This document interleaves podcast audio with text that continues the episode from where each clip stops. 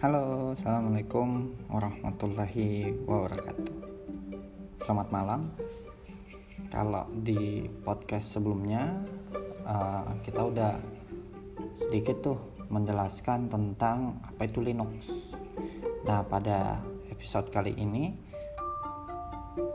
kita bakalan bahas tentang 10 alasan deh uh, kenapa orang memilih Linux dibanding Windows menarik gak tuh. Ini buat buat uh, merubah paradigma bahwa kenapa harus memilih Windows ini mengapa kita harus memilih atau mengapa orang memilih Linux daripada Windows? Cakep nggak?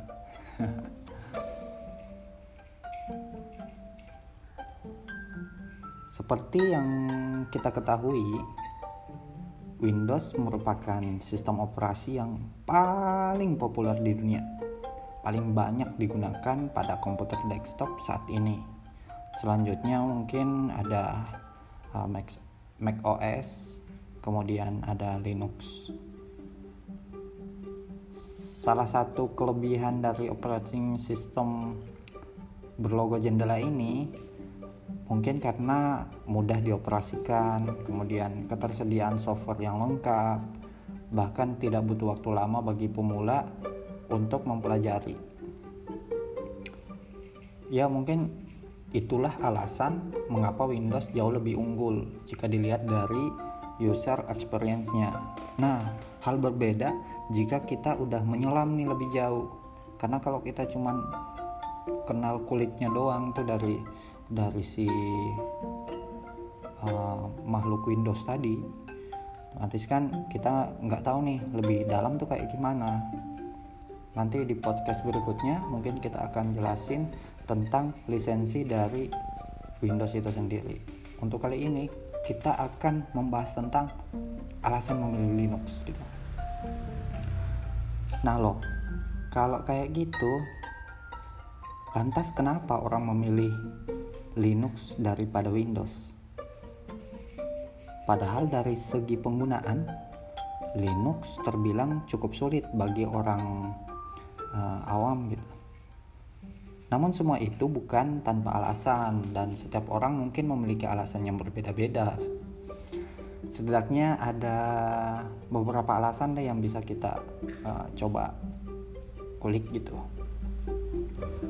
Poin pertama yang sangat diunggulkan di sini adalah Linux itu gratis. Ah, gratis um, lebih tepatnya bebas. Oke. Okay. Uh, ini adalah salah satu alasan paling umum mengapa banyak yang memilih Linux ketimbang Windows. Siapa sih yang nggak doyan dengan yang namanya gratisan gitu kan? Coba tebak deh. Harga lisensi Windows versi terbaru saat ini uh, untuk bisa gunakan misalnya Windows 10 edisi Home gitu. Kita diharuskan membayar sekitar 119,99 dolar lah.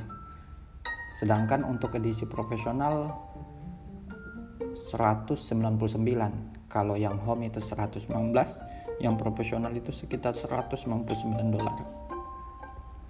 Ya ini merupakan sebuah jumlah nominal uang yang besar sangat besar untuk sebuah sistem operasi. Sedangkan Linux sendiri merupakan sistem operasi yang 100% gratis.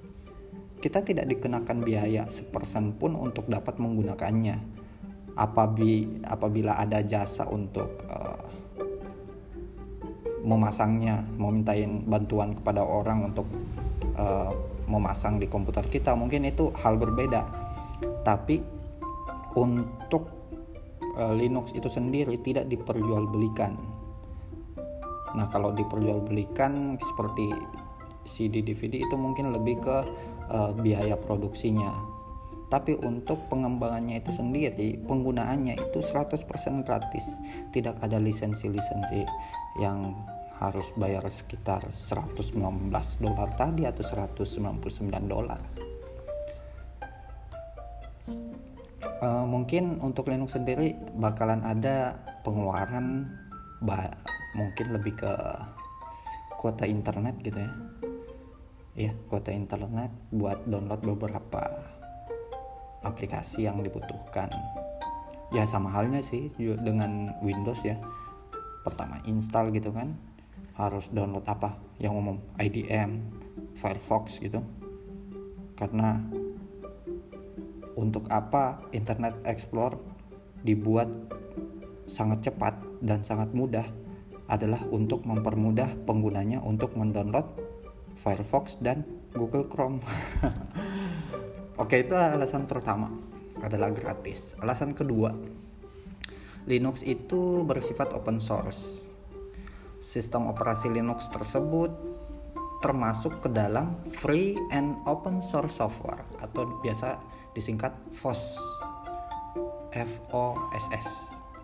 Ini artinya kode sumber dapat dilihat oleh siapa saja Hal ini dikarenakan Linux didistribusikan oleh GNU General Public License atau GPL dan berbagai lisensi lainnya. Lisensi ini dengan tegas menyatakan siapa pun bebas menggunakan, mempelajari, memodifikasi, bahkan mendistribusikan kembali tanpa ada batasan apa pun. Oleh karena itu, banyak individu, pemerintah, komunitas, dan kelompok tertentu yang tertarik untuk mengembangkan dan mendistribusikan kembali sesuai dengan keinginan mereka. Jika kamu mau, mungkin kamu juga bisa bikin Linux versi kamu sendiri, gitu kan? Yang ketiga, alasan ketiga adalah lupakan yang namanya virus. Ya, walaupun uh, beberapa hari yang lalu ada ransomware untuk server Linux, tapi itu tidak terlalu berpengaruh untuk Linux secara umum. Nah, karena dari sisi keamanannya, salah satu isu yang paling ditakuti oleh pengguna Windows yaitu virus, kemudian malware, adware, dan sejenisnya. Alhasil, mau tidak mau, kita harus ngeluarin uang nih, ngeluarin fulus yang gede banget untuk beli software antivirus. Kaspersky misalnya, Note 32 eh apa ya Eset gitu kan. Apalagi Avira Smadaf gitu. Ya biar biar komputer lebih aman gitu. Itu pun jika antivirus tersebut mampu mengenal semua jenis virus yang setiap hari jumlahnya semakin bertambah. Jadi virus itu bukan cuman itu doang, tiap hari tuh persaingan antara antivirus ini sebenarnya kan uh, dari seberapa uh, ampuhnya antivirus ini nanganin virus-virus baru gitu kan. Makanya kadang di perusahaan antivirus sendiri mereka buat virus tuh. Buat virus sendiri atau uh, nyari tim atau kelompok yang buat virus. Kemudian mereka oh sini kami beli uh, databasenya gitu.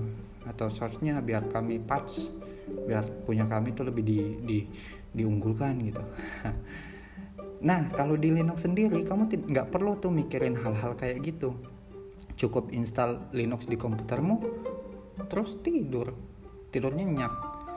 Pengguna Windows khawatir ransomware, kita di sini ya tidur, tidurnya nyenyak. Ini bukan berarti uh, Linux itu nggak ada virus akan tetapi tidak sebanyak yang ada di Windows gitu maksudnya. Walaupun ada namun virus eh, virus di di di Linux itu sendiri seolah nggak nggak berkutik gitu nggak nggak nggak bisa apa-apa lah. Hal ini dikarenakan ya sistem keamanan yang sangat tinggi uh, serta manajemen otoritas yang cerdas dari Linux itu sendiri. Jadi setiap mengakses sebuah folder itu harus memiliki autentifikasi tertentu kemudian batasan-batasan yang uh, diberikan kepada sebuah proses gitu. Namun perlu diingat bahwa tidak ada jaminan bahwa Linux itu 100% kebal terhadap virus. Tapi kenyataannya dari dulu sampai dengan sekarang belum ada tuh kasus Linux terinfeksi gitu kan jika ada itu pun Linux yang tidak pernah diupdate mungkin sama pemiliknya karena Linux itu kan hampir tiap hari itu ada updatean-updatean secara berkala oleh baik itu secara individu maupun secara komunitas gitu kan Kebanyakan virus yang diciptakan oleh para hacker bertujuan untuk menyerang uh, sistem operasi proprietary kayak Windows. Ya karena menjanjikan. Kemudian alasan keempat kestabilan. Nah, yang dimaksud dengan stabil di sini adalah komputer yang bertahan menyala selama bertahun-tahun tanpa perlu direbut atau dimatikan gitu. Makanya Linux lebih prefer untuk digunakan sebagai sebuah server. Oleh karena itu Linux banyak digunakan kan di di banyak server selain karena alasan keamanan tadi. Salah satu cara untuk mengetahui sebuah sistem stabil atau tidak dilihat dari kemampuannya menyala dalam waktu yang lama. Dan itu semua ada dong pada Linux. Nah, kita lihat pada Windows nih. Kita sering mengalami kejadian seperti crash, kemudian blue screen gitu kan. Atau pesan apa yang mengharuskan komputer perlu direbut tanpa alasan-alasan yang jelas gitu. Update misalnya gitu. Jadi hemat kami kestabilan itu adalah hal yang sangat penting. Kita nggak tahu kenapa komputer milik kita gitu, sistem operasi punya kita kok dia minta ribut sendiri? Itu kan bukan sekedar ngajak bukan cuman minta ribut tapi ngajak ribut. Yang kelima itu tentang kecepatan dan keringanannya. Jika dibandingkan dengan Windows kecepatan nyala atau boot dari Linux sendiri cenderung lebih cepat Linux membutuhkan waktu ya kurang lebih dari kurang dari satu menit saat dinyalakan hingga dalam kondisi siap pakai. Bahkan kecepatan tidak pernah berubah walaupun dipakai selama bertahun-tahun tuh. Nah beda nih sama Windows. Biasanya Windows tuh butuh waktu yang lama buat nyala.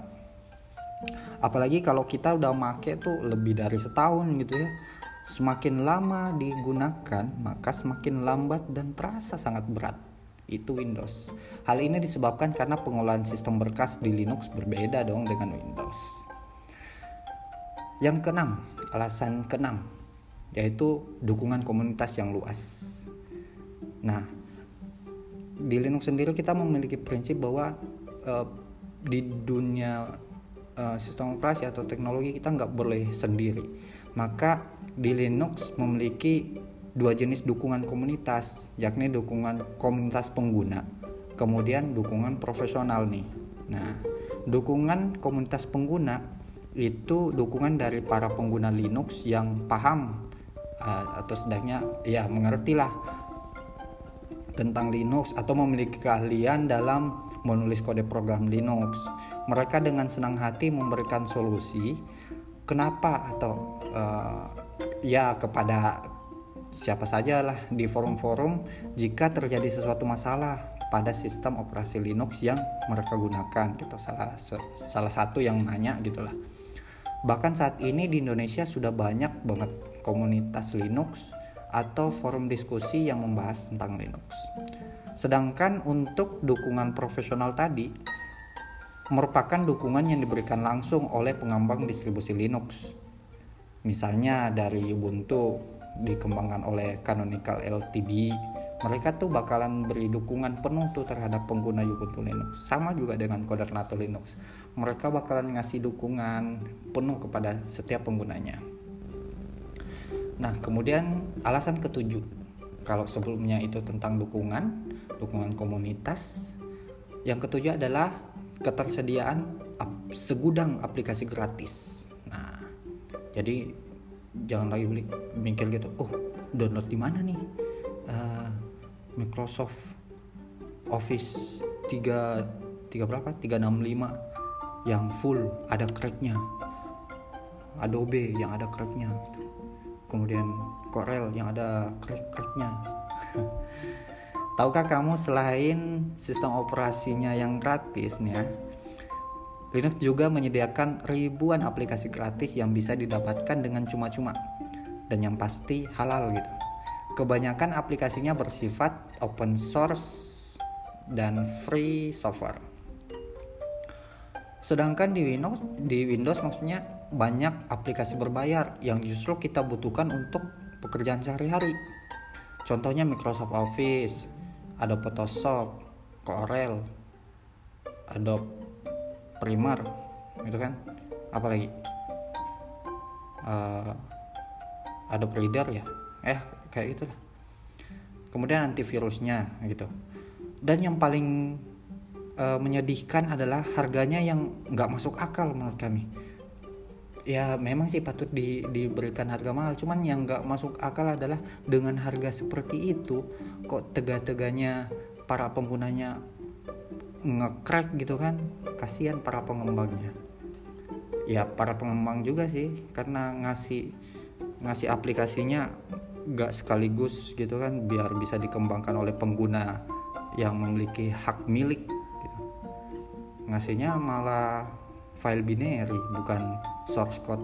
Kan aneh jadi beli permen nggak bisa dibuka bungkusnya ya itu sama saja sih kalau bisa dibilang kalau kita ngebobol-bobol gitu nge-crack nge-patch key keylogger eh keylogger keygennya itu sama saja dengan mencuri atau melanggar hak cipta orang lain. Dan tentu saja di akhirat nanti. Iya benar. Ya di akhirat nanti kita yang akan menggunakan eh, maksudnya kita yang menggunakan aplikasi dengan cara seperti itu ya yang bakalan nanggung dosanya lah selain itu software crack yang berpotensi mengandung virus tentunya. Jadi banyak tuh oh ini kayaknya ini. Tanpa kita tahu gitu ternyata kayak itu adalah selain mengaktifkan sistem operasi eh software dia juga merupakan virus di dalam. Jadi dia jangkitin tuh sistem operasi. Ada malware berbahaya juga kadang uh, aktivitas si pengguna malah kerekor sama si pembuat crack gitu kan.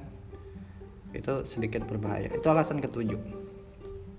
Alasan kedelapan ya itu tadi soal budget soal uang. Coba deh kamu bayangkan berapa total biaya yang harus kamu keluarkan untuk membeli sistem operasi Windows. Ya bukan cuma Windows deh ada Photoshop, kemudian Microsoft Office. Jumlah tersebut sangatlah besar dan cukup untuk membeli sebuah laptop gitu kan. Eh bahkan bisa melebihi malah. Bisa lebih mahal lagi. Bisa beli Alienware mungkin ya. Belum lagi dengan tambahan aplikasi lain yang kita butuhkan kan. Sedangkan jika kita menggunakan Linux, kita tidak akan mengeluarkan uang sepersen pun. Sebagian besar aplikasinya kan gratis. Bisa LibreOffice atau WPS Office ya sebagai alternatif Microsoft Office. Soal tampilannya sama, penggunanya sama gitu. Walau dukungan plugin mungkin dari software-software yang lain eh, tidak sesupport yang ada di Microsoft Office, tapi kebutuhan keseharian kita tuh udah terpenuhi di sana. nggak ada lagi gitu.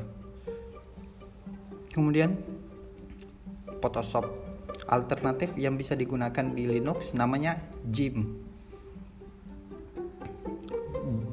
GIMP. Nah, GIMP. Kemudian Corel Draw atau Adobe Illustrator yang bisa kita gunakan di Linux namanya Inkscape. Gitu. Coba coba deh nanti di, dilihat WPS Office atau LibreOffice itu kayak gimana kemudian Jim itu kayak gimana Inkscape itu kayak gimana menurut kami itu sama kok untuk penggunaannya tergantung dari siapa yang gunakan gitu ya bisa dibilang biaya yang akan kita keluarkan selama menggunakan Linux hanya koneksi internetnya aja. Tapi untuk beberapa distribusi Linux yang jadi uh, target kita biasanya kita lihat oh ini udah ada uh, LibreOffice ini udah ada uh, Gym ini udah ada Inkscape misalnya.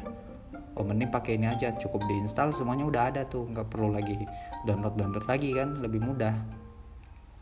Nah kemudian alasan selanjutnya itu Eh, kemudahan melakukan update software, kemudian update sistem operasinya. Nah, kalau di Windows mengenai update sistem operasi dan update software ini uh, terpisah gitu ya. Ketika kita menerima pop-up misalnya di bagian kanan bawah biasa kan untuk melakukan update, maka setiap aplikasi akan terupdate itu satu persatu. Nah, tentu ini tidak efisien dong menurut menurut hemat kita. Masa updateannya tuh satu persatu. Nah kalau di Linux itu berbeda. Semuanya dilakukan melalui repository dan menggunakan user uh, update manager untuk mempermudah kita melakukan semua proses update sekaligus. Baik itu update sistem operasinya maupun update seluruh software yang terinstall di dalam komputer kita. Jadi nggak terpisah tuh kalau di Windows kan oh update sistem operasinya dulu nunggu. Jangan dimatikan tunggu sampai selesai gitu. Pas nyala tunggu sampai selesai. Setelah itu udah nyala ada lagi tuh software-software minta diupdate. Kalau di Linux nggak gitu. Kita cukup update sekali itu sistem operasi dan aplikasinya itu terupdate sekaligus. Ini nggak perlu kayak ya kayak kayak gitulah tidak efisien kalau di Windows.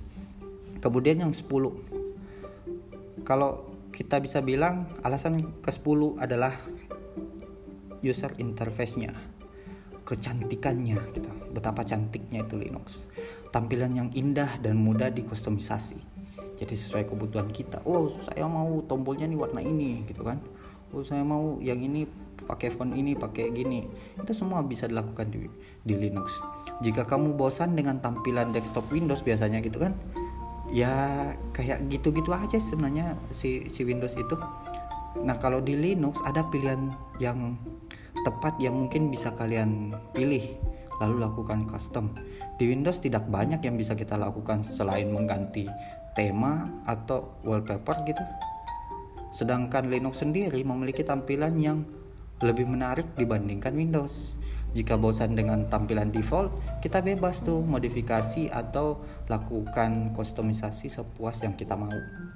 Nah, beberapa desktop environment tersedia, kita bisa pilih. Kita bisa lihat uh, tampilan-tampilan yang ada mungkin dari .files Indonesia gitu kan. Banyak banget tampilan yang menarik. Ya mungkin itu alasan yang bisa disebutkan kalau perlu diulangi lagi itu tentang Linux itu gratis kemudian dia open source uh, gak rentan terhadap virus kemudian uh, kestabilannya cepat dan ringannya gitu kan. Kemudian dukungan komunitas aplikasi yang gratis kemudian masalah budget tadi nggak ngeluarin biaya kemudian tentang update software dan sistem operasinya. Kemudian yang terakhir adalah tampilannya.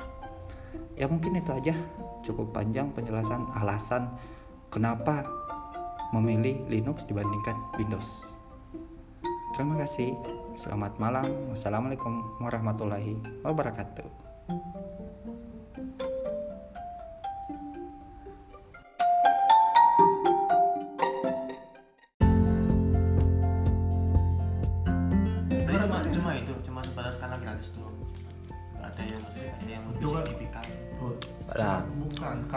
Oke, podcast kali ini kita kehadiran dua orang narasumber yang akan membahas tentang 10 alasan kenapa orang memilih Linux daripada Windows. Setelah kita ketahui sedikit tentang apa itu Linux, udah ya? Ya. Uh, kali ini kita coba jelaskan nih beberapa alasan mengapa orang lebih memilih Linux dibanding Windows sebagai sistem operasi komputer miliknya. Seperti yang kita ketahui ya, Windows adalah sistem operasi yang paling populer dan paling banyak digunakan pada komputer desktop saat ini. Selanjutnya disusul macOS, lalu Linux. Salah satu kelebihan OS yang logonya jendela itu yaitu tadi mudah kan, mudah dioperasikan. Kemudian ketersediaan software yang lengkap, uh, bahkan tidak butuh waktu lama bagi pemula untuk belajar software untuk di Windows. Ya itu yang mungkin keunggulan dari Windows sendiri user experience-nya. Ya. Ya oke setuju. Tapi di sini coba uh, kita buat satu persepsi bahwa uh, Linux harus lebih unggul nih. Ya kan? Hmm. poin pertama benar yang udah dibilang apa tadi? Gratis ya? Gratis. Kalau kalau jendela satu serial number itu nilainya minimal sudah ratusan ribu. Baru satu serial number. Belum penggunaan software softwarenya nah, nah ini Windowsnya beli. Mm. Windows. Ah, ah. ori nggak? Ori beli nggak serial beli. number ya beli baru serial number oke serial number beli tuh ya Linux nggak beli deh gratis nah itu benar tuh itu service itu ya itu kan alasan paling paling umum buat Iya. kita pengguna Linux kan finansial Eh, coba siapa yang tidak doyan gratis Iya. itu harfiah ya cara tidak harfiahnya ada yang lebih murah daripada gratis nah ah. sekarang kita bicara soal lisensi. Kalau kita bicara soal lisensi oh iya saya kan beli laptop ini udah ada Windowsnya dari pabrik. Itu OEMAL bawaan pabrik. OEMAL itu bawaan pabrik lisensinya itu lisensi pabrik bukan lisensi pribadi. Iya. jadi apabila ada kerusakan ya kembali ke model pabriknya gitu kan? Nah kalau kita mau punya kita sendiri otomatis kan kita harus beli Windows 10 itu sekitar 119 dolar. Ya kan? 119 dolar atau 120 lah 120 nah kalau yang profesional itu 199 atau 100 200 hampir 200 dola- dolar. Nah kalau Linux itu nggak ada nggak ada dibeli. Mm. nggak ada sama sekali ada kecuali jasa. kasih duit ke saya boleh. Sama halnya kalau Windows kan kita bawa di tempat servis jasanya yang dibayar. Iya. Windowsnya hasil cracking Iya. ya kan kalau Linux Has- Itu udah full. yang jasanya yang dibayar Jasanya. Mm. itu pertama nah yang kedua adalah kita bicara soal FOSS atau free open source software Mm. atau ya open source yang umum Iya, kita iya.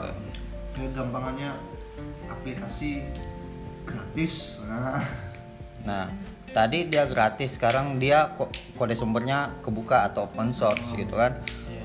Itu karena eh, lisensinya dari Linux itu itu pakai genu- general public license. Jadi itu secara umum itu lisensinya silahkan digunakan secara publik. boleh dikembangkan boleh Tuh. di Kalau Microsoft lisensinya punya Microsoft doang. Iya. ya kan nah ya artinya bebas menggunakan mempelajari modifikasi bahkan mendistribusi kembali tanpa ada batasan apa pun. Jadi silahkan mau di di copy di paning di kaset gitu kan terus distribusi itu tidak melanggar hukum. Kalau di Windows kau beli punyamu terus kau bakar kau kasih orang lain itu melanggar hukum. Nggak open source dia.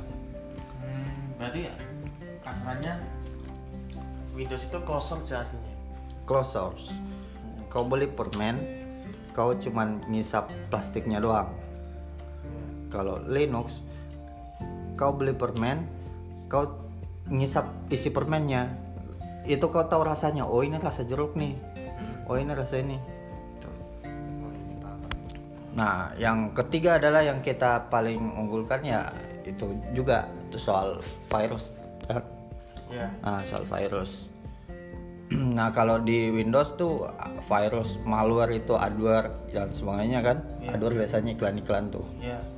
Nah, kalau di Linux sendiri bukan berarti sistem operasi Linux itu tidak ada virus. Ada, tapi yang paling banyak virus disebarkan itu untuk proprietary atau untuk eh, yang paling banyak penggunanya. Mm-mm. Nah, karena targetnya memang untuk untuk merusak dan dapat finansial dari sana. Ya. Kadangkala virus kan dibuat itu untuk perusahaan antivirus. Ya. Jadi kan antivirus bilang, oh ini antivirus saya lebih bagus nih. Dimintai kerjasama sama si pembuat virus.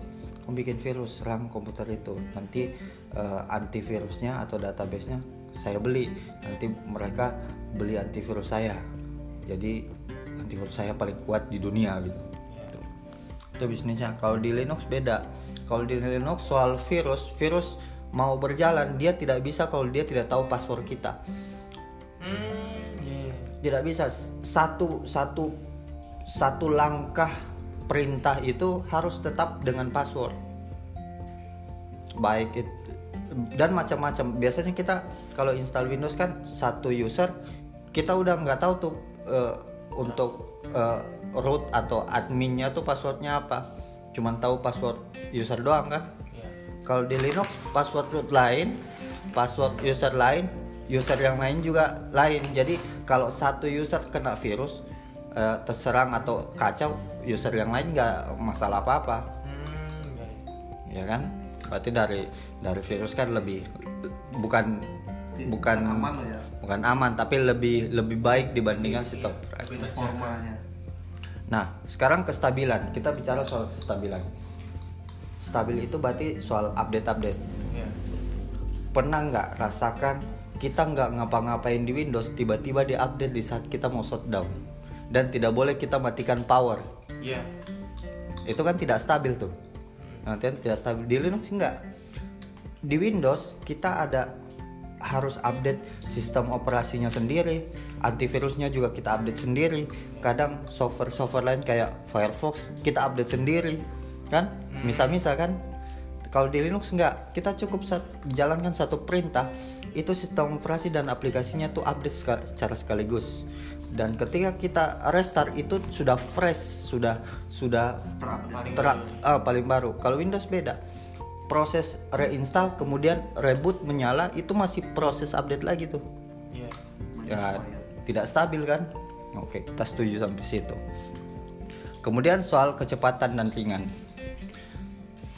Ya ini masalah di Windows nih.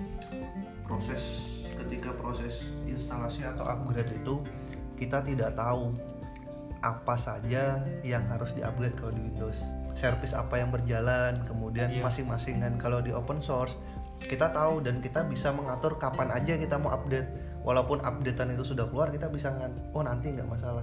Kalau di Windows enggak.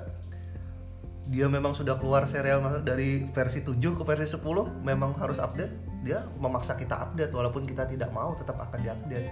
Nah itu jadi secara tidak langsung hak kita sebagai pengguna ini dicekal sama mereka. Nah, Yang kemarin ada foto updatean sampai berapa? 295 persen. Nah itu apa aja yang diupdate kan kita nggak tahu perlu nggak sih sebenarnya gitu kan Berarti kan hampir 1000% baru bisa sukses. Ya, tapi kalau di Windows kan berarti kita nggak tahu apa namanya dengan sistem yang update secara otomatis dan memaksa itu kita nggak tahu apa aja yang dimasukin dari Windows kan. makanya Ah. itu kan jadi siapa kita- tahu siapa ngerti ada virusnya dimasukin secara diam-diam kita nggak tahu. ya. Nah, itu berkaitan dengan kecepatan. Pernah nggak kita setting di apa task manager ya Windows ya? Iya. Situ kan ada startup. Nah, di situ kan kelihatan bahwa kenapa program ini dia jalan di startup, sedangkan kita nggak set. Hmm, ya ada pernah lihat ya. IDM, kemudian dari Adobe sendiri, Microsoft updatean kan, antivirus antivirusnya jalan sendiri. Padahal kita nggak set itu up, eh, aktif otomatis. Jadi kan secara langsung wewenang kita sebagai pengguna itu Diambil alih diambil oleh alih oleh sistem kan. Sedangkan kita kan beli nih serial number nih. Tapi kok masih sana yang ngatur kita kan lucu. Nah, ibaratnya sampean kamu beli mobil satu, Mm-mm. terserah kamu dong mau pakai ke mana. Kok ini mobilnya ngatur kamu cuma bisa ke sini, kamu cuma bisa ke sana, kamu boleh pakai ke sini, cuma pakai ke situ. Oke, Mbak, bagi sebagian yang tahu kan pendapatnya gini.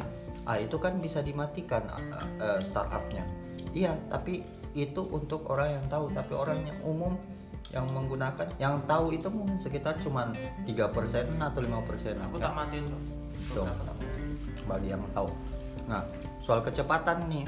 Nah, itu berpengaruh juga tuh startup. Iya. Ah, Ada aplikasi yang jalan kita harus nunggu dulu tuh. Iya, itu lama banget sumpah. Nah, di Linux biasanya kita cuma menunggu dia baca kernel doang. Oh, yang. Kita itu Ah, tadi tuh Itu nomor tadi. tuh. Itu paling lambat 8 menit. 8 ya paling lambat 8 menit. Di Linux kita bisa nunggu sampai 15 menit sampai 18 menit. Kadang sudah sampai desktop kita harus nunggu loadingnya muter di kursor kan masih ada muter-muter Iya. kan. Tunggu klik kanan refresh masih ada yang muter-muter. Itu lambat karena ada service yang dia jalankan dia nunggu. Nah, dari kecepatan dan ringannya kita udah tahu Firefox eh bukan Firefox deh.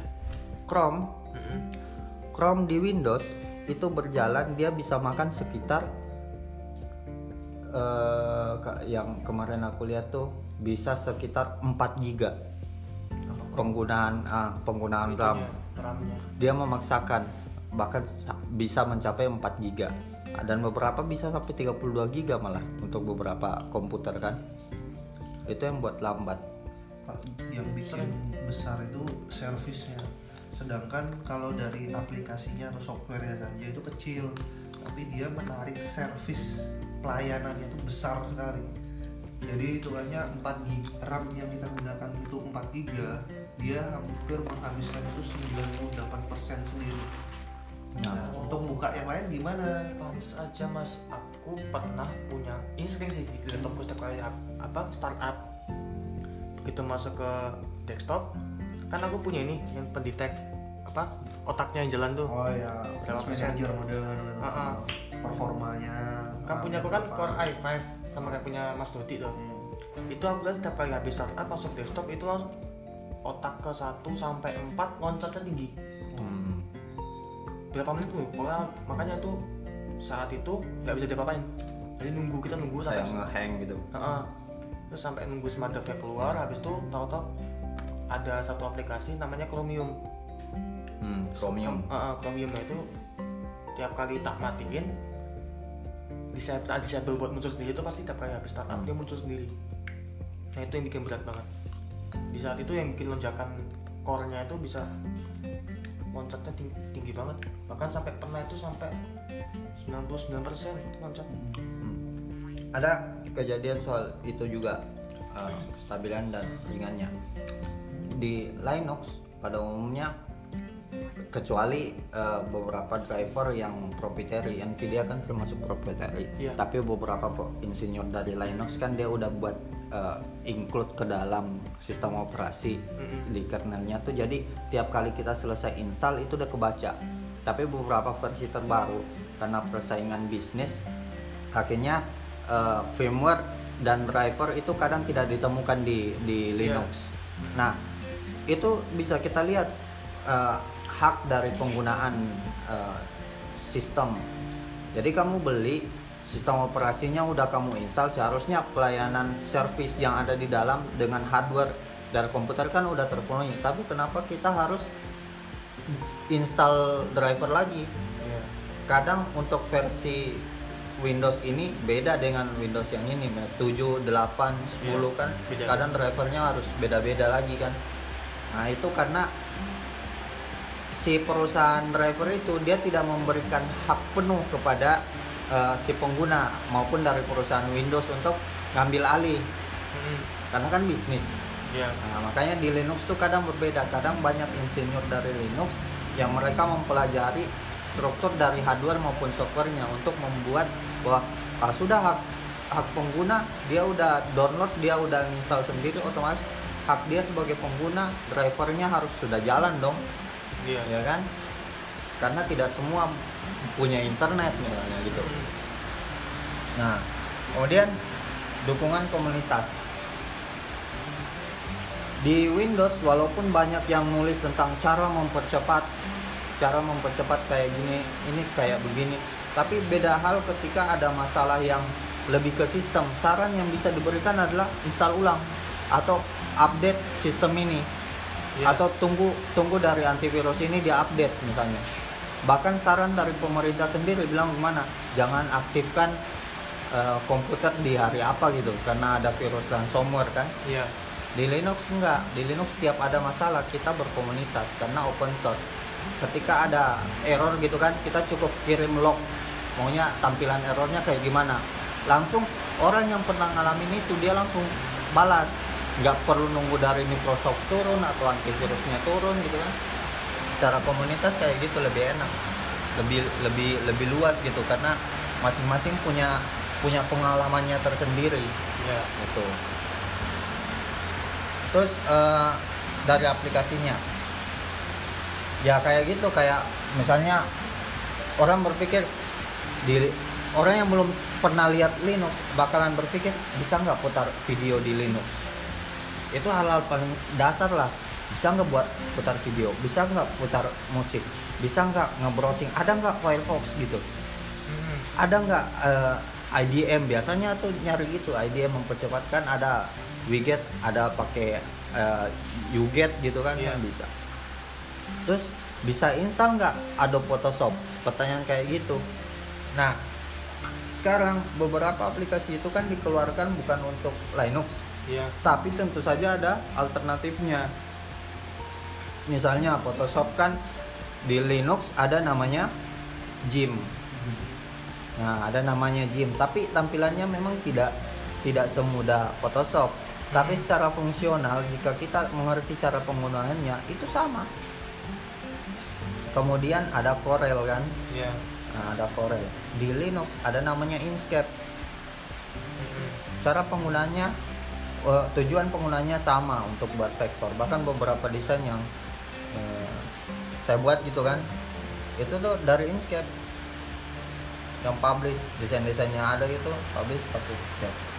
Nah terus edit video. Biasa orang pakai eh, Adobe. Ya. Adobe Premiere. Nah di Linux itu edit-editan video pakainya KDN Live atau kita bisa pakai Lightwork atau kita bisa pakai Blender. Blender tuh lebih mumpuni malah dibanding eh, Adobe Premiere. Karena selain video kita bisa langsung buat film baik tiga dimensi dan sebagainya kan nah di Blender. Dan Blender itu open source gratis.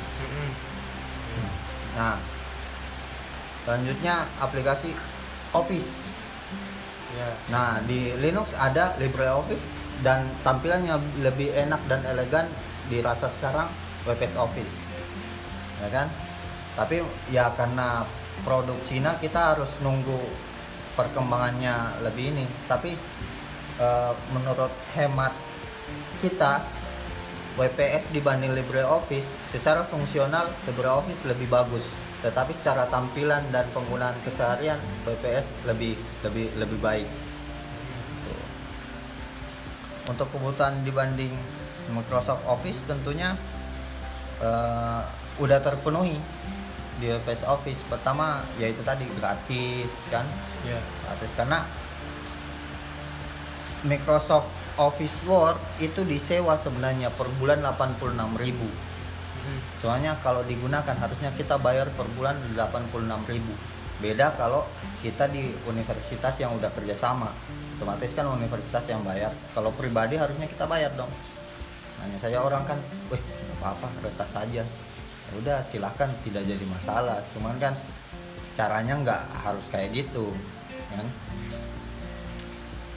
Ya terus itu poin ketujuh, poin ke delapan yaitu tadi dengan tidak membeli atau tidak membayar per bulan tadi otomatis kan tidak menghabiskan uang tuh. Iya. ya kan? Di situ kita setuju. Nah yang selanjutnya tentang update tadi. Misalnya apakah eh, Linux bisa update sama seperti Windows hanya update sistem operasinya saja atau hanya update satu aplikasi saja? Tentu bisa tentu tentu sangat bisa untuk di Linux. Bahkan kadang disarankan oh kalau mau cuman aplikasi ini doang diupdate silahkan. Tapi kalau kita lihat dari eh, fungsional fungsional updateannya di Linux itu kita tidak menunggu lama yang tunggu 30% terus restart nunggu lagi sampai 95% tunggu lagi beberapa persen lama banget. Bahkan ada yang semalaman tuh belum belum kelar Mm-mm. Nah, itu sangat bahaya. Ketika putus, Windows itu ketika update-nya putus, error. Iya. dan pulang lagi Malah lagi. Di Linux enggak. Dia nyimpan. Ini pada udah ada. ya? Ah, dia nyimpan dulu kalau memang gagal dia nyimpan dulu. Ketika nanti kita ada koneksi internet, terus kita update lagi, dia lanjutkan yang sebelumnya. Hmm. Nah, jadi lebih aman kan? Tidak buang-buang kapasitas lagi kalau mau ngulang. Iya. Nah, itu. Apalagi ya? Nah, kalau untuk ini yang sebagai pribadi aku kan dia suka ngegame. Nah, dia untuk Linux kan support apa tidak itu biasanya? Nah, ngegame ini sekarang orang udah menghindari yang eh, offline, game offline. Mm-mm. Sekarang karena perkembangan, kebanyakan mereka pakainya Steam, Ya, ya kan? Di Linux itu tentu saja Steam udah bisa. Bahkan kemarin aku main Dota main situ. Nah, hanya saja banyak pengguna lebih bertahan di Windows walaupun udah pakai Steam. Itu karena apa? Mereka pengen install misalnya PUBG kan itu sebenarnya beli sekitar berapa? 200 250 250 ribu kan? Mereka nggak mau beli. Maunya download offline-nya ya kan? Mereka udah install udah full gitu jalankan di Steam bisa main. Nah paradigma yang kayak gitu tuh ingin main game tetapi nggak bayar untuk kesenangan tuh itu harus diubah dong gitu. karena ki- kita yang biasa bikin aplikasi kan sakit hati riset bertahun-tahun terus kita cuman hargain ini kamu nggak apa-apa deh biar kau pakai 50.000 ribu misalnya 50.000 ribu aja untuk lisensi selama-lamanya. Tapi malah di di crack juga. Kalau rekan yang di crack. Iya aku beli PUBG itu. Iya kan? Belum. lebih enak itu kalau punya itu silahkan tinggal di install doang kan dipakai Steam jalan silahkan. Penting ada akunnya. Iya. Ya terus soal tampilan. Nah itu menarik tadi lihat oh ini kok kayak Mac. Mm-mm. Linux ini kau mau bikin tampilannya seperti apa? Sesuai seleramu tuh bisa. Kau mau pindah-pindahin ikonnya ikonnya kau mau warnain warna apa saja itu bisa. Di Windows beda. Misalnya yang desktop mana ya misalnya di desktop. Di desktop. Nah ini dan tanggal jalan tuh ini memang butuh aplikasi tapi cuman script doang.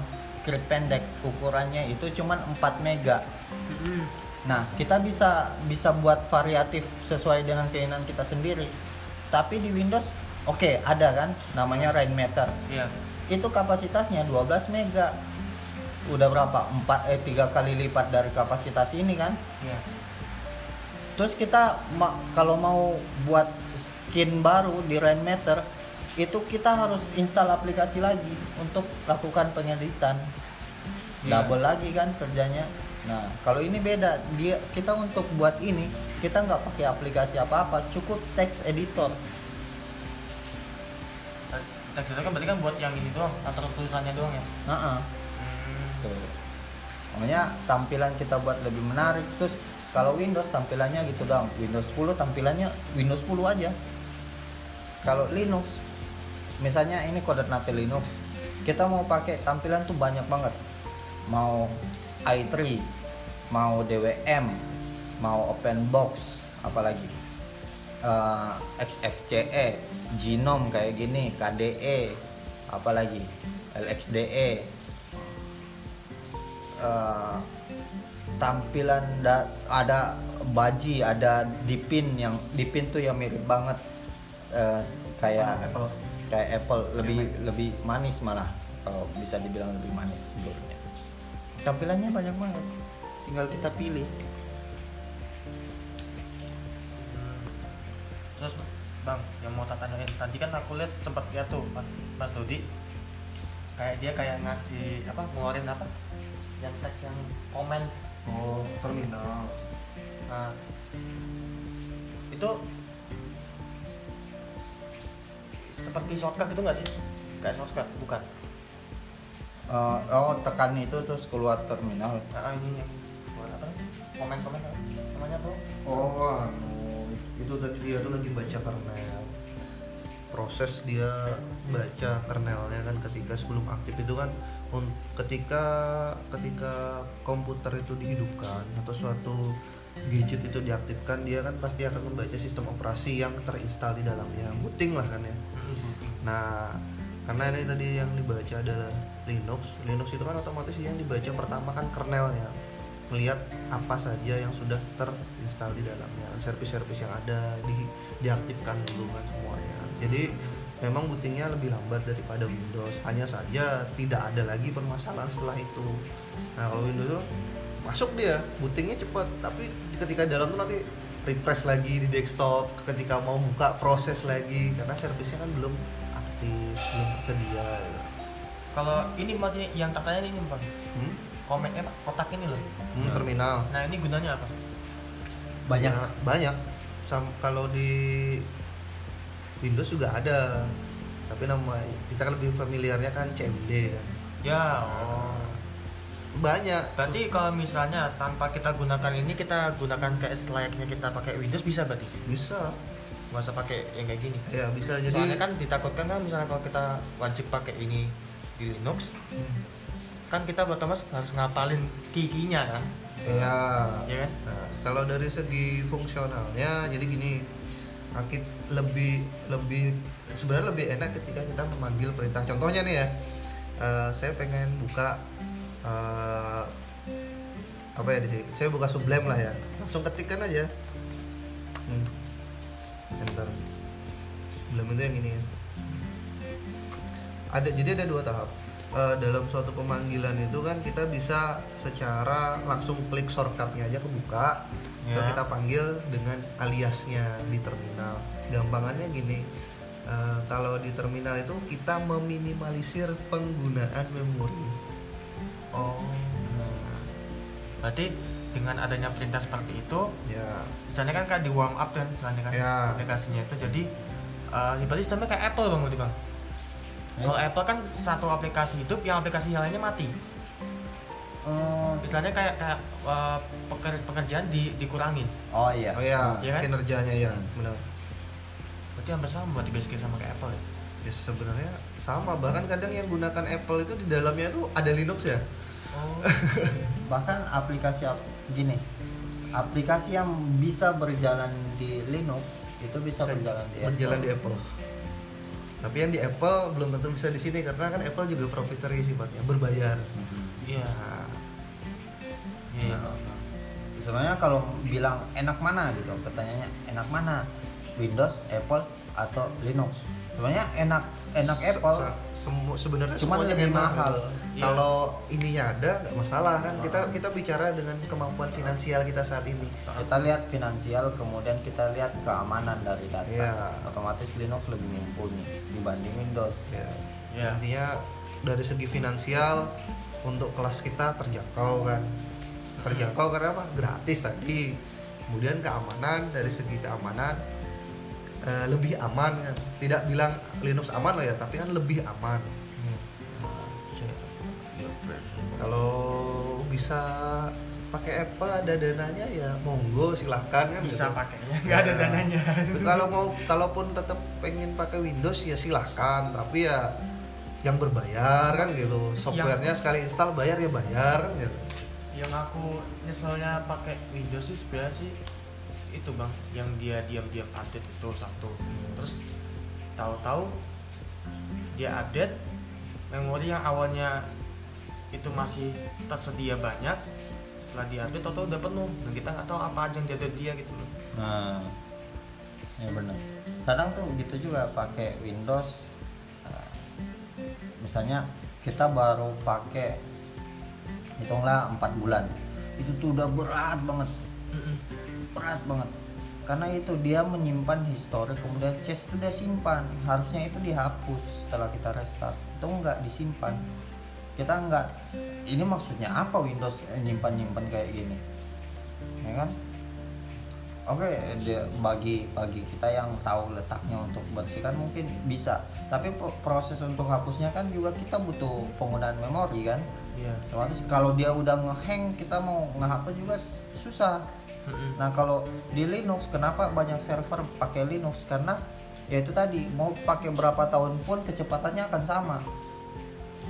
Karena begitu dimatiin charge-nya itu udah otomatis kehapus Iya.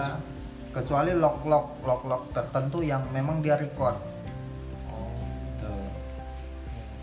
Dia recordnya dalam bentuk teks. Kalau di Windows dia recordnya dalam bentuk file. Contoh lah, kita streaming, streaming YouTube, itu kan streaming YouTube itu sebenarnya bukan kita streaming langsung ke sana. Dia dia nyimpan di di local file kalau nggak salah. Local file apa eh, user file itu apa sih namanya kalau di Windows? User iya user. User files.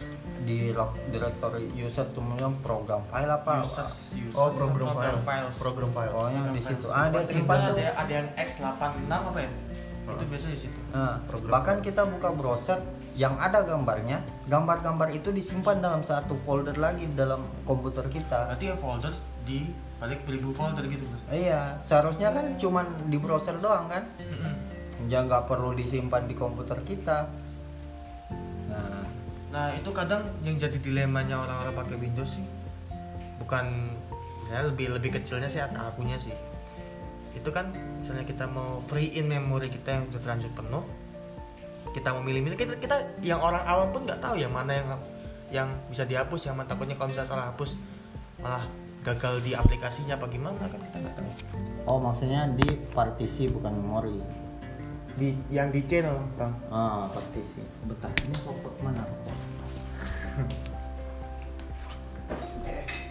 ini ambil rokok. Direkod gini kan enak. yang itu yang sampai sana Apa? Mending kau ambil bantal sana. Kan ada bantal. udah kita di kamar Oke. Itu yang sampai sekarang tuh yang aku bingungin tuh itu loh yang jadi dilema aku sendiri loh bang Nah, yang pinginnya tuh niatnya tuh ku hapus cuma mau pilih cuma aku ya sebagai orang awam nggak tahu yang mana boleh dihapus yang mana nggak boleh dihapus gitu. Jadi yang dilema. Gampang. Cas casnya juga tuh yang yang berpengaruh gitu loh kan ada ada juga cas yang sebenarnya kan kita belum nggak tahu. Ada kode beberapa kayak .txt dot apa gitu. Itu nggak jadi dilema. Sebenarnya pengkodean pengkodean disk itu kan ada tuh. Kalau kita buka disk manajemen ada ada C, ada D, kemudian ada keterangan mana boot, mana sistem, mana yang eh, sifatnya sebagai primary, mana sebagai extend. nah itu dia yang aku maksud Nah. kita nggak tahu orang awam Kalau yang primary biasanya untuk sistem itu jangan pernah di di otak-atik ukurannya. Karena ketika kita otak-atik ukurannya, kadang eh, sektornya itu bergeser kan. Mm-mm. Kadang sektornya bergeser kita nggak bisa masuk lagi di sistem. aku pernah sampai karena apa ya salah aku nggak tahu yang mana yang bagian dari dari aplikasi itu yang pr- primer mana yang sekunder aku nggak tahu Hmm. salah hapus korup Nah. Ya kalau mau bilang lebih susah lagi di Linux ketika nggak tahu. Kalau Windows masih masih lebih mudah, masih lebih mudah untuk kita lihat karena ada kode mana C mana D dia tentukan berdasarkan letter ya kan. Kalau di Linux itu kadang orang bingung ini ini S, ada SDA, ada SDB, ada STC. hmm. SD, SDA biasanya hard disk yang tertanam di dalam SDB biasanya ada hard disk tambahan SDC biasanya flash disk misalnya. Ya. Nah dia baca gitu. Nah di SDA sendiri ada pengkodean lagi SDA 1 SDA 2 SDA 3 nah. Coba bang gimana bang? Lihat ada nggak? Eh, buka terminal kemudian anu kasih CFD disk. Eh, F enggak F disk aja sudah F disk minian biar aku hitung hitung bisa punya gambaran oh lupa jadi ini ada atau harus masuk level Tuh. ada SDA SDB SDA aja sih SDB nya nggak kecolok oh iya iya ya. Nah, ada yang menarik lagi kalau di Linux.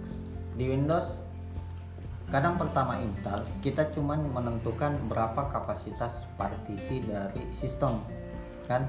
Ya. Kalau di Linux ada hal yang menarik kita bisa tentukan memori virtual. Jadi misalnya RAM RAM atau memori kita kapasitasnya cuma 4 GB misalnya. Nah kita bisa buat kapasitas hard disk itu sebagai memori. Jadi ketika beban dari mem- memori fisik itu udah hampir mendekati full itu dialihkan ke partisi kita oh. Jadi bisa bilang misalnya eh, kita pakai memori virtual dari hard disk kita ambil 8 GB hard disk, eh, RAM kita memori kita 4 GB otomatis secara tidak langsung komputer kita itu membaca memori kita itu totalnya ada 12 GB bukan 4 GB ya keuntungan kan? Nah keuntungannya di situ yang agak agak berat kondisinya ketika memori virtual kadang kita temukan di hard disk HDD ya Iya. karena masih piringan kan Iya. masih masih piringan tapi kalau sekarang perkembangan udah ada MMC ada SDD kan Iya. SSD maksudnya itu kecepatannya wih, udah udah cepat banget Mm-mm. kadang kita nyalakan komputer tuh karena udah ada RAM fisik ada memori virtual itu cepat banget cuman beberapa menit doang tuh udah nyala sampai desktop. Hmm. lebih enak. Cuma bingungnya kalau di Linux untuk hapus-hapus tadi tuh. Bang Eh, awal-awal memang gitu awal pertama kedua. Kalau kalau pribadi dulu nginstal Linux gagal tuh da- dalam satu hari bisa 12 kali. Uh. itu awal-awal memang belajar otodidak kan nggak ada yang ngarahin hap- kehapus semua data itu memang proses proses belajar. Tapi lama-lama udah tahu oh yang ini nggak boleh dihapus ini tinggal bagi-bagi aja. Karena mau dapat yang tampilan desktopnya tinggal klik-klik atau pakai ngetik juga kita tahu. Nah ini aku pingin refresh laptopku. Masa RAM 8 GB tahu-tahu full? Jadi lemot banget. RAM RAM RAM tuh 8 GB Hmm. Ini 4 giga ya. RAM tuh 8 4 giga sisanya banyak. RAM-ku tuh 8 harddisk 1 tera. Hmm. lemot itu kayak kayak ini. Memori cuma laptop 2 giga 2 giga. Ya Allah bilangnya kenapa sih? Mau aku hapus hapusin itu bingung. Itu bisa kondisional juga sih. Bisa bisa juga karena harddisk udah back sector tuh udah bikin berat juga. Harddisknya bad sectornya pas ku cek nggak ada. Berarti Ah, memang dari ada. dari servis yang bermasalah. Soalnya kan itu harddisk baru. Harddisk baru dan belum lama juga kok harddisknya aku beli. Dulu memang pernah itu harddiskku yang lama itu kena bad sector. Datanya hilang semua ya Allah bisa selamatin. Hmm. Itu udah mau gimana lagi? Ganti Aku beli satu tera sekalian itu kan cuma soal kebiasaan aja sih kan. Soal Windows Linux nih soal kebiasaan. Ya sama lah kayak bilang tadi oh dulu waktu eh, Linux terkenal tiba-tiba ada XP Linux mulai menghilang. Ya sama kayak eh, Nokia sama Samsung iya sih. Padahal Sam- itu aku sempet loh itu. Nokia duluan Samsung Dulu keluar tuh aku pertama sempet- sempet Samsung. sempet aku kok bang itu SMP itu megang Linux sempet aku. Ya sempet aku. Yang waktu itu laptopnya aku tuh pakai Linux. Sempet habis itu setelah aku SMP kelas 2 hilang. Nggak tahu kenapa. Ya itu kadang kadang kita ikut kebiasaan orang ya mainstream lah artian kan karena banyak yang make kita juga ikut make kan. Iya sih. Susah sih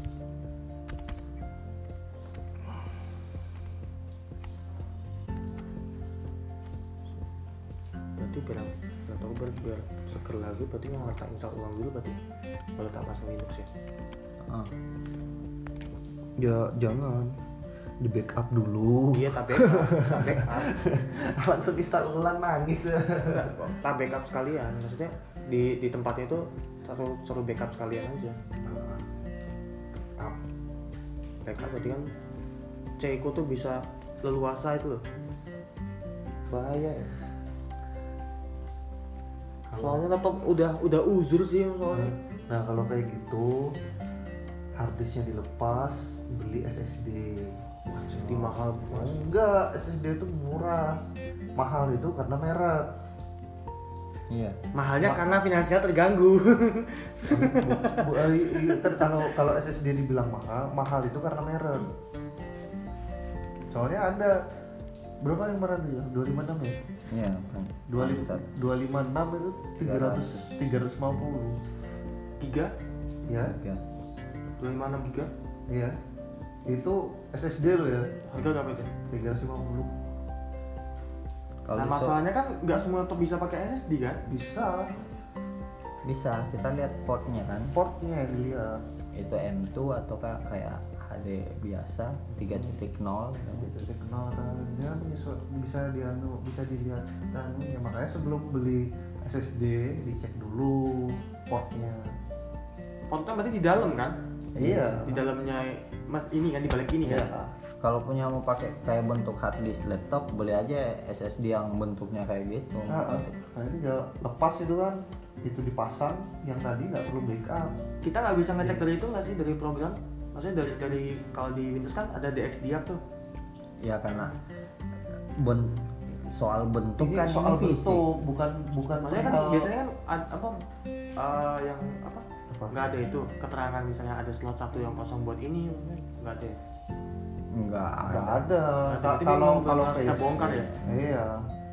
Nggak ada.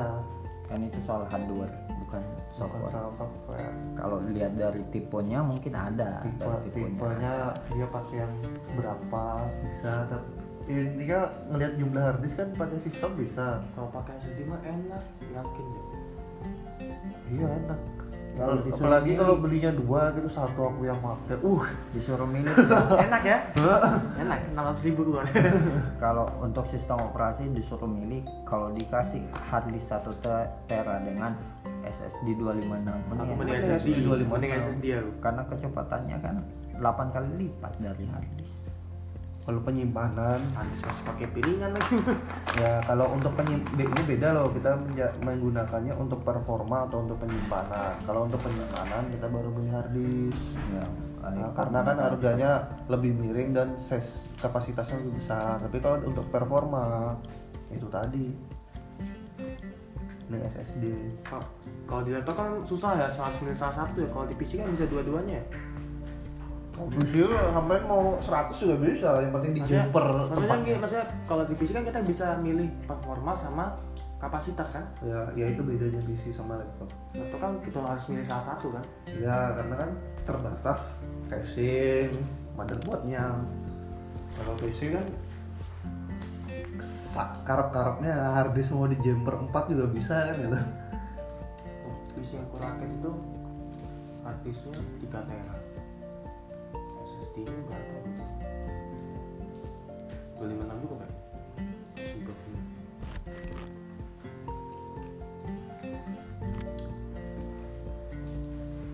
Ya maksudnya laptopnya tak simpen buat macam-macam sih. Tapi butuh juga buat format buat main game. Iya kan sol- solusinya ya gitu. Kalau memang nggak bisa ninggalin Windows ada kebutuhan kayak gitu buat hiburan kan nggak jadi masalah sih setidaknya tidak tidak secara full tuh kita pakai eh, yang kayak gitu semua bajak semua kan intinya Enggak, enggak, aku Menyesuaikan. nggak pernah bajakan. Alhamdulillah. Soalnya bajakan juga melanggar hukum juga, takut. Suatu saat kalau misalnya dituntut sama yang punya lisensi, Mm-mm. malah bahaya lebih gede lagi gitu. Ya terlepas terlepas dari itu juga kan yang tadi masalah finansial kan. Mm-mm. yang berikutnya adalah eh, keamanan. Nah yang berikutnya adalah keterbukaan. Hak kita tuh sampai di mana saat beli? Berarti kan kalau Windows kan dengan dengan yang dibilangnya hak kita dibatasin, saat langsung mereka juga megang data kita dong. iya jelas. Kalau Linux, enggak Mereka enggak kita sendiri? mereka nggak tahu password kita kalau Windows kan walaupun kita ngasih ngeset password kita sendiri, cuma kita tahu yang tahu sendiri, tapi sana bisa tahu kan. bisa karena apa yang apa yang terinstall di Windows tuh kita nggak tahu isinya apa kalau di Linux kita bisa tahu oh aku butuh aplikasi ini yang ini eh, aku jalankan karena aku aku tahu nih apa pokoknya di Linux itu eh, service yang kita tidak tahu dia tidak jalan. Nanti yang kita mau jalankan ya dia jalan. Iya iya. Ya kalau kalau, di- kalau digambarkan sistem kayak Apple paham. ini gampangannya sampai naik motor. Motor itu kan sebenarnya yang penting bisa jalan tuh. Perlunya gur bensin loh nah, udah bensin jalan kan gitu. Nggak perlu ibaratnya nggak usah pakai lampu nggak usah pakai sen nggak usah pakai rem. Ini kita mikir jalannya loh ya. Untuk jalan hidup. Yang penting ada bensin hidup jalan kan dia. Nah, perihal kayak uh, sen lampu itu kan menyesuaikan kebutuhan.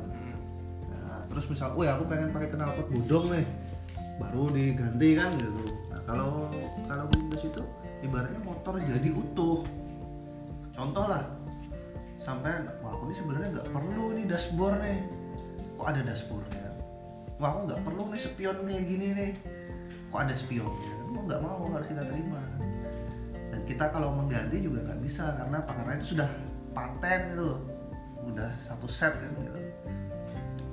Contoh lah kan kita install Windows bawaannya apa? Internet Explorer. Kan gitu aja loh. Sekarang tak tanya sampai pakai Internet Explorer nggak milih pakai apa aku mau sisa kalau nah install lagi tuh iya Nah, gampangannya gitu. Ibaratnya sampai tuh dikasih motor jadi cepat satu, tapi sampai kok aku tuh penting motor jalan dulu, nanti sisanya aku sendiri yang modif kan. Nah, itu tuh. Berarti kan sampai lebih penting motor itu kerangkanya doang bisa jalan. Nanti kan casingnya tinggal menyesuaikan. Ya itu ibaratnya Linux itu seperti motor yang tadi bisa dirakit sesuai dengan keinginan kita, disesuaikan dengan fungsional dan kebutuhan kita.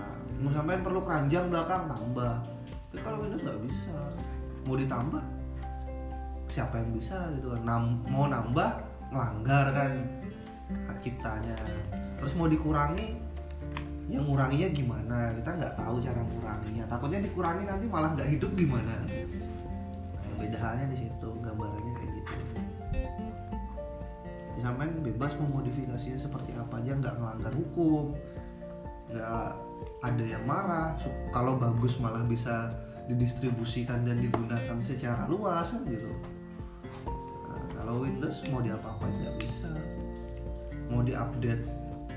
Ibaratnya sampai menyesuaikan oh ini biar tampilannya bagus kayak ini ya nggak bisa besok update kembali lagi seperti yang awal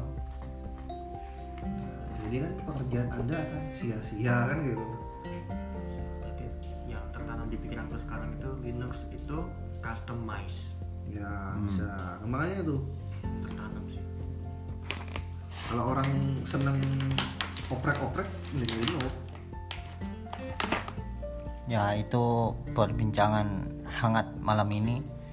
Nanti kita lanjut lagi. Saya mau dengar hasil diskusinya. Thank you. Música